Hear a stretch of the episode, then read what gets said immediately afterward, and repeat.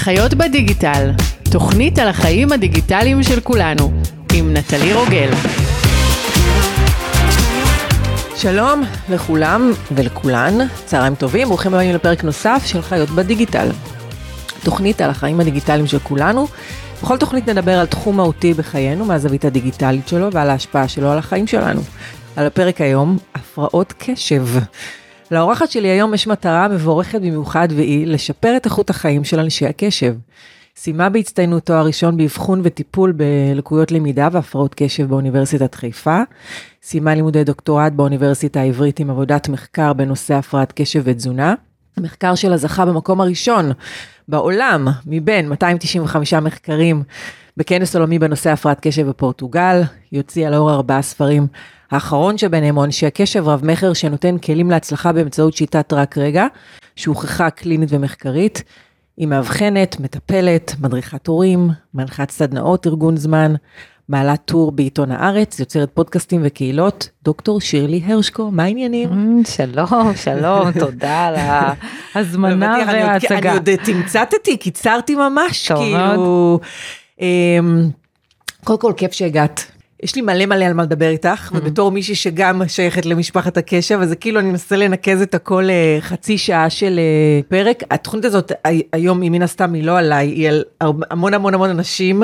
אני לא יודעת אם להגיד, המילה סובלים זה משהו שהוא כאילו נכון להשתמש בו בהקשר הזה. שיש להם הפרעת קשב. שיש להם הפרעת קשב, ויש כזה איזשהו ספקטרום נורא נורא רחב, יש כאלה שיכולים, את יודעת, לחיות עם זה בסבבה ואיכשהו זה, ויש כאלה שזה ממש מאתגר את החיים שלהם. אני מניחה שכבר יש לך רדאר לאנשים עם הפרעת קשב, כאילו זה משהו שאת ישר קולטת. לגמרי, אחרי 20 שנה של אבחון, כן, קלטתי אותך כמובן. אני טועה, כאילו, אני נמצאת בסביבה של אנשים שהמון אומרים שיש להם הפרעת קשב. כן. ואני טועה אם אנשים משתמשים בזה כתירוץ לבעיות ארגון למיניהם, או לתת לכל מיני דברים שזה, או שזה באמת יש את זה להמון המון המון אנשים. Mm. אז זה תמיד מדהים אותי, זה כמעט תמיד השאלה הראשונה ששואלים אותי, okay. אם אוקיי. לא לכולם יש היום הפרעת קשב. וזה קטע כי כשאני נכנסתי לתחום לפני 20 שנה אז אמרו שאין דבר כזה הפרעת קשב שאין דבר כזה ועכשיו אנחנו עברנו לקיצוניות השנייה לכולם יש את זה. אז אני מאמינה שמתישהו נגיע לאמצע לקו השווה מה שנקרא כי לא לא לכולם יש הפרעת קשב אלא רק לעשרה אחוז מהאוכלוסייה. ומה שאולי לכולם יש זה יותר עניין של קשיי קשב. אגב, הפודקאסט הזה ש, שבאמת אה, כל המסיכים והמסכים והעומס מסביב והלחץ. אה, זה באמת יכול לגרום לקשיי קשב, חוסר ריכוז, אבל הפרעת קשב... יש גם כל מיני עניינים אחרים, נכון? יש גם עניין של ויסות חושי, ויסות, ויסות רגשי, כל מיני רגישויות למיניהם, שזה משהו אחר. כן, קודם כל באמת בגלל זה חשוב לעשות אבחון כדי לדעת מה בדיוק יש, אבל הרבה פעמים הפרעת קשב כוללת בתוכה גם חוסר בוויסות רגשי, חושי, קושי בתפקודים ניהוליים, בדברים נוספים שהם חלק מהפרעת הקשב, רק לא תמיד יודעים את זה. אבל מה שכן, בהפרעת קשב, הקושי הוא הרבה יותר משמעותי מקשיי קשב שאולי יכולים להיות לכולם, זאת אומרת, זה דברים...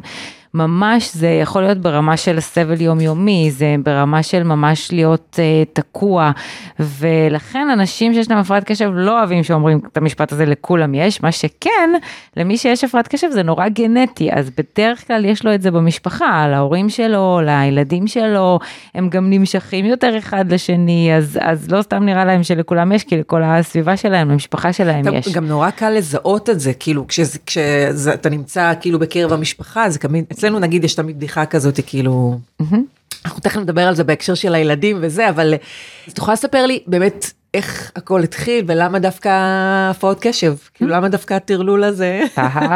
קודם כל אני מתה על אנשי הקשב, תראי אותך, הם הכי מיוחדים, אנרגטיים, סקרנים, חייכנים, עם אמביציה, עם אנרגיה ממכרת. אני באמת באמת מתה עליהם ויש להם מוח מיוחד וזה גם ברמה של, ה- של המתנה. אבל אה, כולם חושבים שהגעתי לזה בגלל הבן זוג שלי, שהוא איש קשב רציני במיוחד, ואולי הבנות שלי, שלושת הבנות. שזה, אנחנו גם, גם על זה נדבר, שאני חייבת להגיד, אני קראתי את, כאילו, התחלתי לקרוא את הספר, זה, זה מדהים איך את מתייחסת לזה בצורה אה, מאוד אמפתית, זה מדהים לקרוא על זה, אה, כן. בטח גם לראות את זה, אבל אני, ואני אומרת, כאילו, זה לא היה מההתחלה. זה משהו שקל נורא לאבד את הסבלנות אליו, ברור, כאילו. ברור, בגלל זה אני אומרת, כשרק הכרתי אותו, לא, לא הייתה לי כזאת סבלנות, ואני תמיד אומרת שיש לו מזל שאני מומחית בתחום, כי אז באמת הבנתי למה הוא מתנהג ככה, ושבאמת אני לא יכולה להאשים אותו, ולבוא אליו אה, בטענות, אלא להפך, אה, צריך לעזור לו, והבנתי שזה לא שלא אכפת לו ממני, או שהוא מזלזל, או שהוא אגואיסט, מה שהרבה פעמים בנות זוג, אה, או בני זוג חושבים אה, על, ה, על הבן או בת הזוג שלהם, אבל ככל שאתה יודע ומודע שזה הפרעת קשב, איפה היא נכנסת ומה היא עושה, אז זה מעורר פשוט אה, אמפתיה טבעית, אבל, אבל האמת שלא הגעתי לתחום דווקא דרכו דרך הבנות שלי, אלא עוד לפני כן, ש- שעוד עשיתי תואר ראשון בפסיכולוגיה ורציתי נורא לעזור לאנשים, ואז עשיתי פרקטיקום על אישה עם הפרעת קשב, ופתאום גיליתי עולם מדהים של גם יכולת אבחון נורא נורא מדויקת, כשעושים את זה נכון, וגם יכולת עזרה ממש מהירה וממש טובה, זאת אומרת, ממש ראיתי איך תוך מספר חודשים אפשר לשנות לבן אדם את החיים מקצה לקצה, הוא לא צריך לשבת עכשיו על ספת הטיפולים שלוש, ארבע שנים ולדבר על הילדות שלו, אלא ברגע שמתייחסים להפרעת קשב במדויק, מאבחנים, מטפלים, זה שינוי חיים ברמה של חודשים, וזה מה שהכי אהבתי, רק אחר כך הבנתי שלבן זוג שלי יש הפרעת קשב והכל. יש גם, אני, אני חייבת להגיד שיש גם חשיבות נורא נורא גדולה לאבחון הזה, גם אם נכון. אתה מתכוון לקחת כדורים, וגם בין אם אתה ממש לא מתכוון לקחת שום דבר, וכן לטפל בזה, כי יש איזשהו משהו ברגע שהם מאבחנים אותך, שזה, יש איזשהו סוג של הקלה בדבר הזה, הקלה נורא נכון. נורא גדולה, שכאילו כל הקושי וכל ההתמודדויות שלך משהיית ילד, וגם בתור, ובטח בתור אדם בוגר, יש לזה שם. ממש כאילו, יש ככה, מאחורי זה. לתת שם, בדיוק. החלק של האבחון זה כבר חצי מהפתרון, אני תמיד אומרת, עוד לפני שהתחלת לטפל, בין אם איזה טיפול שתבחר, תרופתי, התנהגותי, מה שתרצה, רק עצם לעשות האבחון ולקבל את ההכרה ולהבין שאוקיי, אז אני לא דפוק במרכאות, או עצלן, או משהו לא בסדר בי, ובאמת זה דברים שאני שומעת המון, אתה פתאום מקבל הסבר לעניין הזה, וגם הסביבה שלך מקבלת הסבר, אז, אז כבר כולם מרגישים יותר טוב, וכבר אפילו כל האסטרטגיות מגיעות באופן טבעי, גם אפילו עבור הורים שנורא תמיד מחפשים כלים, אסטרטגיות, מה לעשות, לאיזה טיפול לקחת, אני תמיד אומרת להם, קודם כל אבחון והכרה במה זה הפרעת קשב, ואז הדברים, אתם תראו, יבואו לכם טבעי. אתם פתאום תפסיקו להתפוצץ ולריב עם הילד על זה שהוא לא יושב ולומד ומכין שיעורים, כי אתם תבינו שיש לו טווח קשב של 15 דקות, מה הוא יכול לעשות. ובגלל זה זה, זה קריטי העניין של האבחון, וגם שאנשים באים אליי הרבה פעמים למכון ואומרים, אני לא צריך אבחון, אני יודע, אני יודע, אני לא מוותרת על השלב הזה, כי אני יודע, זה לא כמו לקבל גושפנקה רצינית ואמיתית. ממש. אז בהקשר הזה, נגיד היום בתור מבוגר, בוגרת, אני לא רוצה להשתמש במילה הזאת בכלל, אני מרגישה ש, שההפרעה היא כאילו יותר מנוהלת. ואפילו במקרים מסוימים היא, היא כאילו, היא באה לטובתנו. הרבה אנשים שזה, זה כאילו, כשהם מצליחים באמת לנהל את הדבר הזה, אז, אז המון מהתסמינים כביכול, הם באים ל- ל- לטובת ה, ה, מה שנקרא אנשים שסובלים מהפרעת קשב, ואני חושבת על ילדים שלהם עדיין אין כלים ל- לעשות את הדבר הזה, וזה מהמם. באמת אה, גם הרבה יותר קשה וגם... אתה כאילו כל הזמן בתור ילד מקבל ביקורת על הדבר הזה, כאילו על כל התסמינים האלה כביכול. נכון. וכשאתה מבוגר ואתה מבין מאיפה זה, מאיפה זה מגיע, אז, אז קל, קל יותר להתמודד עם הדבר הזה, אבל כילד זה באמת אה, הרבה יותר אהה. קשה. כן, כן, לגמרי. אז אני אתייחס לזה בעצם משני כיוונים. קודם כל, לגבי המבוגרים, לא כולם מסתדרים כמוך, זאת אומרת, אם אתה באמת מוצא עבודה שאתה אוהב, אז הרבה יותר קל לך גם לנהל את הפרעת הקשב בתוכה, אבל לא כולם מסתדרים, ואנחנו רואים הרבה יותר סיכונים, יש פי שתיים סיכון למשל להתמכרויות, ויש 50 עד 70 אחוז סובלים מחרדה ודיכאון, ויש קשיים בזוגיות, יש פי שלוש סיכון לגירושין, ויש שם הרבה סיכונים והרבה קשיים, אבל כן, יש גם את האנשים שיותר מסתדרים, באמת מוצאים או את הבן זוג המתאים, או את העבודה המתאימה, ואז זה ככה יותר אה, נרגע. אבל... אפשר לדבר על זה עם שני בני הזוג. כן, ואז הם אמנם, אה, יש פה גם יתרון אגב, לגמרי, כי הם יתרון מבינים זה גדול, את זה, כן. אבל הבית יותר בכאוס, אין ספק, כן, נכון, נכון. אבל אפשר לעזור, אפשר לעזור שם. אה, עכשיו ילדים אה, בגדול זה הם רק צריכים להתעסק עם הלימודים אז מהבחינה הזו כאילו יותר קל להם אין להם גם זוגיות ועבודה ויש להם גם את ההורים שבדרך כלל יותר עוזרים להם זה מצד אחד מצד שני אתה תקוע בבית ספר. והבית ספר הוא לא הדבר הכי מותאם לילדי הקשב בוא נגיד את זה ככה הוא כולל 6, 7, 8 שעות של לשבת בשיעור ולהקשיב למורה ברצף זה לא משהו שהם כל כך טובים בו. ולכן הם בהחלט יכולים לסבול אבל גם כאן זה חשוב לי להעביר להורים את המסר הזה. הרבה פעמים הורים כל כך מתוסכלים ואומרים מה אני אעשה הוא לא לומד איך הוא יצליח איך הוא יעבור בגרויות. אז אני רוצה להרגיע ולהגיד שהרבה פעמים הילדים האלה דווקא כשהם מסיימים את הבית ספר את המסגרת הזו שלא לא מותאמת להם הם יוצאים החוצה והם עושים דברים גדולים לפרוח. ממש. בסטארט-אפ בהייטק מקימים עסקים כי כי הם לא לא באותה מסגרת שפחות מותאמת להם אז אז לא להתייאש הורים בהחלט יש יש עתיד ויש עתיד טוב. כן, גם זה המון פעמים פוגע גם במערכת יחסים בין ההורים נכון. לילדים. אה, בגלל, ה, בגלל העניין הזה גם להורה עם הפרעת קשב, אני חושבת שיותר קשה לראות את זה על הילד שלו. נכון. כאילו זה מכווץ את הלב מצד אחד ומצד שני, זה נורא נורא מתסכל, כאילו... ממש אה, ככה. יש ממש מחקר שעשו על להורים עם ובלי הפרעות קשב והראו תגובות אחרות. זאת אומרת באמת ההורים עם ההפרעת קשב הם יותר מבינים אבל זה גם מעורר בהם יותר חרדה של יואו מה הוא הולך לעבור ואיזה מסכן ועוד אני העברתי לו את זה. וההורים בלי הפרעת קשב יש להם יותר כעסים ולחצים כי הם לא מבינים למה למה הילד מתנהג ככה ומה אני אעשה איתו ואיך אני אעזור לו ולמה הוא לא יושב. אז זה ממש תגובות אחרות אבל לשני סוגי ההורים העניין של המודעות. עוד פעם האבחון המודעות להפרעת קשב מה זה בדיוק ואיך אפשר לעזור לשניהם זה זה עושה פלאים. לילדים עם הפרעת קשב יש, אה, יש יותר הצלחה דווקא בצד החברתי, לא ממש לא. לא? יש את סוג הילדים שבטח גם את היית כזו שהם נורא כזה לאביבל והם יכולים להיות גם מנהיגים וכריזמטיים ועם חוש הומור ואנרגיה ואז הם מאוד מצליחים חברתית אבל יש הרבה מאוד ילדים דווקא יש יותר סיכון חברתי בהפרעת קשב. וואלה. והרבה יותר סובלים מחרמות, מבריונות, מהצקות, הרבה פעמים כזה מרגישים מוזרים, או שלא מבינים אותם, ולמה הוא לא מקשיב, ולמה הוא לא מבין את ההוראות של המשחק, ו- ויש קושי בהבנה של סיטואציות חברתיות ממש בהפרעת קשב, וואלה. אז אה, דווקא יש יותר סיכון לקשיים חברתיים, כן.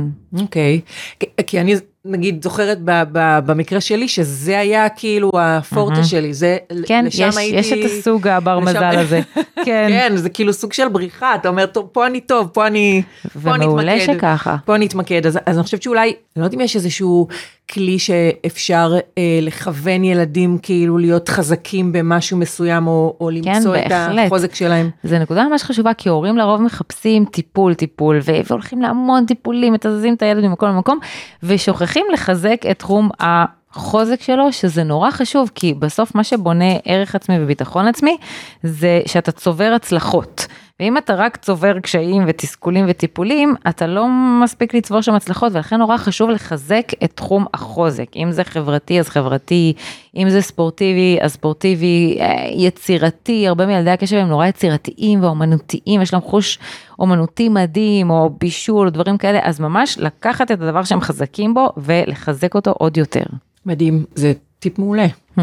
כן. אז כל הנושא הזה של המסכים זה משהו שהוא כאילו מקשה יותר על, ה... על הסיפור הזה של, אה, של הפרעת קשב בקרב ילדים? כן, זה מאוד מקשה, כן חשוב לי לציין שמסכים לא גורמים להפרעת קשב. כן, לא, זה- זה אז אה, נראה לא, הרבה, הרבה אנשים חושבים ש, שכן, והרבה הורים יש להם אפילו רגשות אשמה אה, על עצמם, אז לא, זה, זה דבר שהוא מולד, אתה נולד עם הפרעת קשב, וזה לא שאם תהיה במסך זה יגרום לך להפרעת קשב. זה כן יכול לגרום לקשיי קשב כמובן, וזה כן מחריף אה, את הפרעת הקשב כשנמצאים הרבה זמן במסך, אבל יש לציין שהמסכים... מחריף, למה? אני חושבת שמסך דווקא יוצר ניתוק, איזשהו סוג של... אה, נכון. שבו אתה לא צריך... אז יש את המקום שזה באמת יוצר ניתוק, אתה יכול להתנתק לשם, זה גם מפריש דופמין שחסר במוח של הפרעת קשב, אבל, אה, אבל בעצם הרבה שעות במסכים ועם גירויים שהם מאוד משתנים, זה כן גורם יותר לקשיי קשב, להיפראקטיביות, אז כן צריך לעשות שם איזשהו, איזושהי הגבלה בעניין הזה, בהתאם לגיל כמובן. אוקיי, okay. אז בוא נדבר קצת על זוגיות עם הפרעת קשב. בכיף. בספר שלך בפרק הראשון, כתוב, את גם העלית את זה מקודם, ש, שכשלאחד מבני הזוג יש הפרעת קשב, אז הסיכוי להתגרש הוא פי שלושה בהשוואה לזוגיות ללא הפרעת קשב, זה נתון מטורף. מחריד. ממש. כן, אני מסכימה. כאילו, אני חושבת לעצמי, כמה זוגות אה, התגרשו בגלל זה בלי לדעת בכלל שזה נכון, היה המקור ל... שזה הכי עצוב לי, את יודעת כמה זוגות מגיעים אליי ככה על סף גירושין, או אפילו היו כבר בייעוץ זוגי, אבל הייעוץ, המטפלים לא היו מודעים להפרעת קשב ולא התייחסו אליה ולכן הייעוץ לא הצליח או, או, או כאלה כבר אחרי גרושין ואפילו הספר הבא שלי החמישי הוא נקרא זוגיות קשובה אני הולכת להקדיש את כולו לזוגות כי העניין הזה של להיות מודע עכשיו שיש פה הפרעת קשב ולמה למה הוא מתנהג ככה? וזה לא באמת בגלל שלא אכפת לו או שהוא מזלזל או שהוא אגואיסט או שהוא אוטיסט. כל מיני דברים שאני שומעת הרבה פעמים על אנשי הקשב שלא מבינים אותם. כן. אז אז ברגע שה, שהבן זוג אה, מבין אז הרבה יותר קל לקבל את זה. וגם בייעוץ הזוגי עצמו זה מאוד חשוב להתייחס לעניין הזה כי אם עכשיו הולכים לייעוץ והמטפלת נגיד אומרת טוב תראה היא צריכה שתיתן לה יותר יחס אז כל יום בצהריים ככה תרים אליה טלפון, תדברו, תשוחחו, תשמע קצת איך עובר עליה היום. הרגה את הקשר, כי איש עם הפרעת קשב שהוא בעבודה, שהוא כולו באטרף שלו, בהיפר פוקוס שלו בעבודה, מאיפה הוא עכשיו יעצור באמצע הצהריים? וגם אם הוא יצליח. זה אפילו לא העניין של לעצור, זה גם אם חשבתי להתקשר, ואז באמצע קרה איזשהו משהו, לא כן. יודעת, מישהו דיבר איתי, אמר משהו, שמעתי משהו, לא זה, נכון, זהו, נגמר הסיפור, אני לא, לא זוכר בכלל מה... נכון, וגם בשיחה עצמה, להקשיב, שיחת טלפון לאורך זמן, בטלפון, ואז הוא לא מצליח לעשות את זה, אז uh, הנה, אפילו את הדבר הקטן הזה אתה לא מצליח, העבודה שלך יותר חשובה לי, מפה זה, זה מידרדר. אבל ברגע שיודעים שיש הפרעת קשב, הדבר הזה הוא לא ישים לאנשי הקשב, הם מוצאים שיטות ודברים אחרים. נגיד, אני והבן זוג שלי, אין לנו תקשורת uh, לאורך היום, אבל בערב, כשהוא מגיע, אנחנו יוצאים החוצה מהבית למקום ככה שקט, שהוא יוכל להתרכז בו ולהיות מפוקס, וזה נורא חשוב גם הסביבה והמקום, ואז אנחנו יושבים ו- ומדברים על היום. כל יום? כל יום. לקח, לקח זמן להגיע לזה, אבל אה, כן, פשוט גילינו ש, שזו הדרך ש, שטובה בשבילנו. מדהים. אז, אז כאילו באמת יש לך איזשהו סוג של אה, טיפ, עצה, משהו שהוא ישים ברמה, כן. זה לא חייב להיות כאילו משהו יומיומי, או ברור. נגיד אם יש ילדים קטנים, אז זה הרבה יותר קשוח. כן, אז קודם כל אני כן מאוד ממליצה לקבוע דייט שבועי. אוקיי? Okay? זה גם מה שאני עשיתי הרבה שנים. אחת לשבוע, נגיד יום חמישי שמונה בערב, זה הדייט השבועי שלנו, אנחנו יוצאים ומדברים, מזמינים בייביסיטר מראש, קובעים מקום במסעדה מראש, שחוזר על עצמו, ו- וזה, אני אומרת לך, זה דבר שמציל הרבה זוגיות. העניין הזה, יוצאים, נהנים אחד עם השני, מדברים באמת. זה דבר אחד. דבר שני זה לעשות חלוקת תפקידים, זה מאוד חשוב. יש דברים שאנשי הקשב הם מעולים בהם. עניינים של ספונטניות, אולי אה, טיולים, אה, דברים כיפיים, אה, להכניס אנרגיות, לעשות פרויקטים כאלו. יש, יש דברים שהם מעולים ויש דברים שהם לא. עכשיו להיות אחראים על הבירוקרטיה והטפסיאדה, זה, זה אסון, הם, הם הולכים לאיבוד שם. אסון. אז ששני אסון. בני הזוג יעשו חלוקת תפקידים. אני מעדיפה, לא יודעת, לקפוץ מ...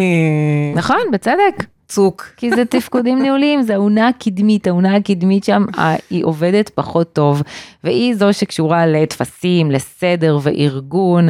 אגב, גם עוזרת בית, זה, זה, זה, זה טיפ שאני מאוד ממליצה עליו. כן. כן, אני תמיד אומרת, זה יותר זול מגירושין, זה יותר זול מללכת לייעוץ אה, זוגי, וכשיש הפרעת קשב, הרבה פעמים יש שם קושי מהותי בסדר והארגון, חזק, משמעותי, שהוא לצערנו לא משתפר עם הגיל. כאילו אפשר להיכנס לבית ולדעת מי גר בו לפי וואו, זה. ממש, אני ממש מאבחנת בתים.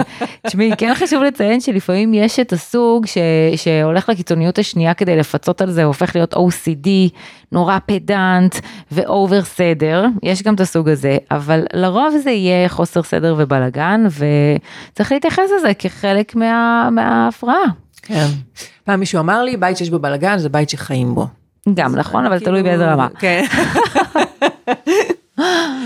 אז אני התחלתי לקרוא את, ה, את הספר, כמו שאמרתי לך, זה נורא נורא הצחיק אותי, כאילו חלק מ... אה, באמת להיות אה, בעל הפרעת קשב, וזה הנושא הזה של דחיינות, כן. שזה כאילו אחד הדברים מאפיין מספר יותר חז- אחת. יותר חזקים. ואני התחלתי לקרוא את הספר בשבת, הוא אצלי כבר יושב ליד המיטה על השידה משהו כמו חודש וחצי, וקודם כל הוא באמת מרתק, אני לא סיימתי אותו עדיין, אבל חשבתי על זה תוך כדי קריאה, שגם אפילו מיומנות של אה, קריאה זה משהו שהוא... הוא דורש כאילו, דורש קשב, וזה ממש איזשהו שריר שצריך לאמן אותו, כאילו, אני נגיד ממש תולעת ספרים, כל חיי הייתי, ובשנים האחרונות זה משהו שהוא מאוד מאוד קשה לעשות אותו. כאילו, כן. אני יודעת את זה גם מ- מעוד אנשים, שזה נכון, כאילו יותר קל אפילו. לקרוא פוסט מאשר לשבת ולקרוא ספר. למה זה? נכון. כאילו, קודם כל, אגב, זו הסיבה שהקלטתי את אנשי הקשב, ואפשר גם להאזין לו, כי בהפרעת קשב יש יותר. קושי לקרוא. כן, כן, כי קריאה היא דורשת הרבה קשב, וגם אם אתה קורא, אתה יכול פתאום ללכת לאיבוד ולהיות מוסך, לקרוא דף שלם ובכלל לא לדעת מה, מה קראת. אגב, את הספר, התזה שלי זה על הבנת הנקרא והפרעת קשב, אז את הספר אנשי הקשב ממש כתבתי בהתאם, זאת אומרת, כן תוכלי לקרוא אותו, והרבה אומרים לי, זה הספר הראשון שקראתי מזה 20 שנה, כן, לא, 30 הוא שנה. מאוד קל. כן, כאילו- הוא ממש מיועד ל- לקריאה של הפרעת קשב, אבל אמ, באמת קריאה היא, היא יש, יש ילדים עם הפרעות קשב, זה דווקא מה שאמרת מעיד על אינטליגנציה גבוהה שלך, כי ילדים עם הפרעות קשב עם אינטליגנציה גבוהה, הם כן מצליחים לפצות על זה, בגלל שהם כל כך סקרנים, אז, אה, אז הספר מצליח לסחוף אותם והם מצליחים לקרוא כשהם ילדים. אחר כך בגיל הבגרות זה כבר יורד, כי העומס והחיים והדברים מוסיפים על הקשב, הם בעצם מורידים מתפקודי הקשב, ואז עוד יותר קשה, קשה לקרוא, אז אה, זו תופעה שאנחנו רואים הרבה. מודעת, את מרימה לי מלא, חסכת לי טיפול ב... את רואה מה זה?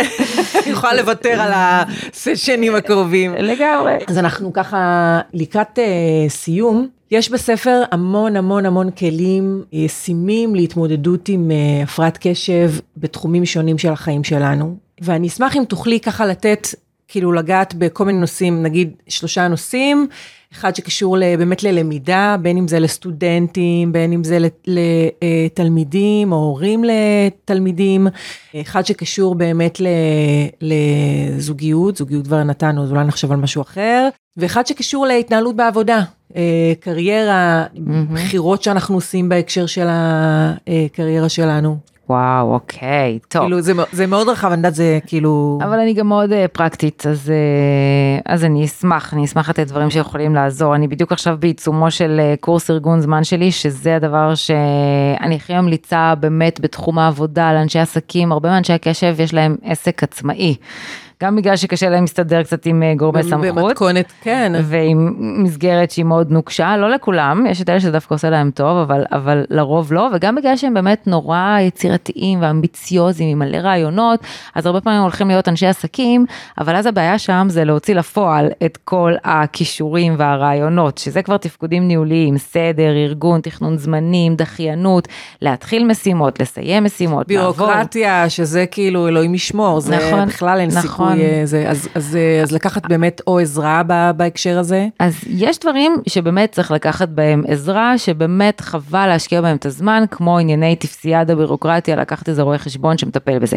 אבל כל הנושא של הארגון זמן, זה ממש כדאי ללמוד אותו, ואפשר. אתם לא חייבים להיות דחיינים, ואתם לא חייבים להתקשות עם הזמן ולשכוח משימות, ובאמת אפשר ללמוד את זה, רק זה, זה צריך להתאים להפרעת קשב, ולא ללכת כזה לקורס כללי, שנותן עצות כלליות, ואז זה לא עובד.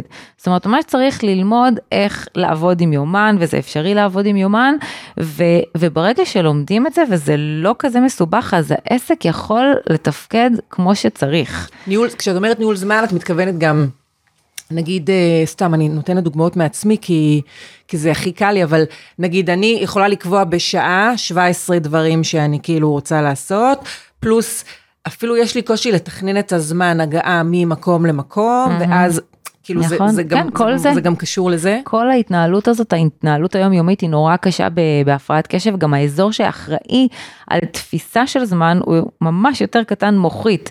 אז לפעמים משהו שאני חושבת שיקח לי חמש דקות, בכלל לקח שעה, וכל האיחורים האלה, ו... שזה שיא המעצבן ל... הנה, היום מה זה לא כעסתי שאיחרת? זה היה לי הכי ברור בעולם, לקחתי את זה בחשבון.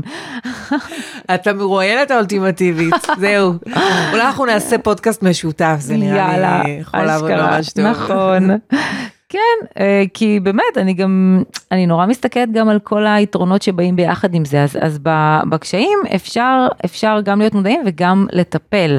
ומה שהכי כואב לי זה לראות את אנשי הקשב שהם כל כך מלקים ומאשימים את עצמם שהם לא אחראים ואולי אין להם מספיק מוטיבציה שזה קשקוש, אין דבר כזה מוטיבציה.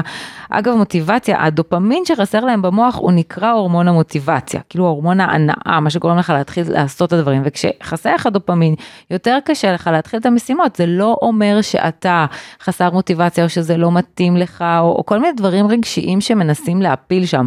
זה פשוט אומר שאתה צריך ללמוד איך להתארגן עם עצמך, וזה, וזה אפשרי. כי באמת הדבר שהכי כואב לי זה לראות אנשים שהם כבר בחרדות, והם כבר בדיכאון, ונשים בכלל עוד יותר גרועות בעניין הזה. המון המון נשים בדיכאון אני פוגשת באזור גיל ה-40, שבכלל המקור שם הוא הפרעת קשב שפשוט לא אובחנה ולא לא טופלה. ולא טופלה. ואז כל הפוטנציאל שם לא התממש, ואז פתאום להיות גם אימא וגם עבודה, אז הכל קורס, ואת מרגישה כזאת למה, למה אני לא יכולה כמו, כמו מישהי אחרת, ולמה אני לא טובה מספיק, ו- וזה, אני חייבת להגיד, הדבר שהכי אה, כואב לי, כי גם נשים ובנות בכלל הן יותר מפוספסות, יש לי גם שלוש בנות. ובגלל זה הנושא הזה חשוב לי, הן יותר מפוספסות. שתיים מהן מאובחנות, נכון? כבר שלוש מאז הספר, כן, כבר השלישית גם. אז שלושתן מאובחנות, ונשים, בנות, הן יותר מרצות, והן יותר משתדלות להיות בסדר, אז פחות נראה את ההפרעת קשב, הן לא, הן לא תמיד יפריעו בשיעור, אבל הן כן יחלמו, ויהיו מוסכות מכל דבר, ויהיו להם את הקשיים הנלווים להפרעת קשב, ואז, אה, בגלל שגם לא מאבחנים את הפרעת הקשב, אז, אז הן מרגישות הרבה יותר רע עם עצמן. ואם הדבר הזה לא יקרה עד אזור גיל 40, אז כמעט תמיד זה, זה מסלול אה, לאיזה שהם חרדות או, או דיכאונות או דיקי. אז פה ממש חשוב לי להדגיש את העניין הזה שהפרעת קשב אצל בנות היא אחרת וצריך אה, אפילו מחקרים מראים שבמשפחה שיבחנו בן עם הפרעת קשב, אז אחותו, למרות שזה יודעים שזה גנטית, היא תאובחן משהו כמו חמש או תשע שנים מאוחר יותר מהבן, בגלל שלא היטיבו לזהות את התסמינים אצלה. אז, אז ממש חשוב להיות אה, מודעים לנושא הזה ולא להזניח את הבנות. אז אה, פנייה, פנייה אה, קרובה למאזינים מאזינות, ללכת לאבחן, זה כל כך כל כך חשוב באמת להבין את הדבר הזה, אם אתם מזדהים עם אחד מתוך אה, לפחות שניים שלושה כן. דברים שהעלינו כאן, אז באמת ללכת לעשות אבחון. ואפשר לחיות עם זה ממש מעולה. ממש מעולה. כן, ממש טוב. גם באמת, אפילו עבור הנושא של למידה, ששאלת לגבי טיפים שם, אז גם שם יש מה לעשות. ברגע שהלמידה נגיד תהיה יותר פעילה, יותר אקטיבית, אז הקשב יוכל להיות נוכח שם יותר. ולמידה שהיא אחד על אחד, לעומת למידה שהיא בכיתה שהיא נורא מוסחת, היא תהיה יותר, ממש יותר טובה. וצריך לעשות למידה עם הרבה הפסקות אה, של משהו כמו אחרי 20 דקות כבר הפסקה, כי הקשב נאבד. אז ממש להתאים את הלמידה להפרעת קשב כמה שיותר יצירתיות, כי הרבה פעמים יש שם יצירתיות בעניין הזה, אז להוסיף, ולא רק חוברות כאלה שממלאים א' אה, במשך שורה. אז יש גם באמת אה, טיפים ללמידה, נתנו טיפים לזוגיות, טיפים לעבודה, באמת יש יש הרבה דברים לעשות. אפשר לחיות עם זה, אז אני מאוד מאוד מאוד ממליצה על הספר של שירלי, איך לחיות עם אה, הפרעת קשב, באמת נותן כלים פרקטיים וישימים מאוד. וואו, שירלי, זה, אנחנו יכולות להמשיך לדבר על זה באמת המון המון אה, שעות. Mm-hmm. אני ממש מודה לך שהגעת. תודה, תודה. ממש מוקדם בשביל להגיע לפה בזמן. בכיף, זה נורא נהניתי והמודעות הזו היא סופר חשובה. חד משמעית. ולכם מאזינים יקרים, תודה רבה שהאזנתם לפרק נוסף של חיות בדיגיטל, נשתמע בפרק הבא, יאללה ביי.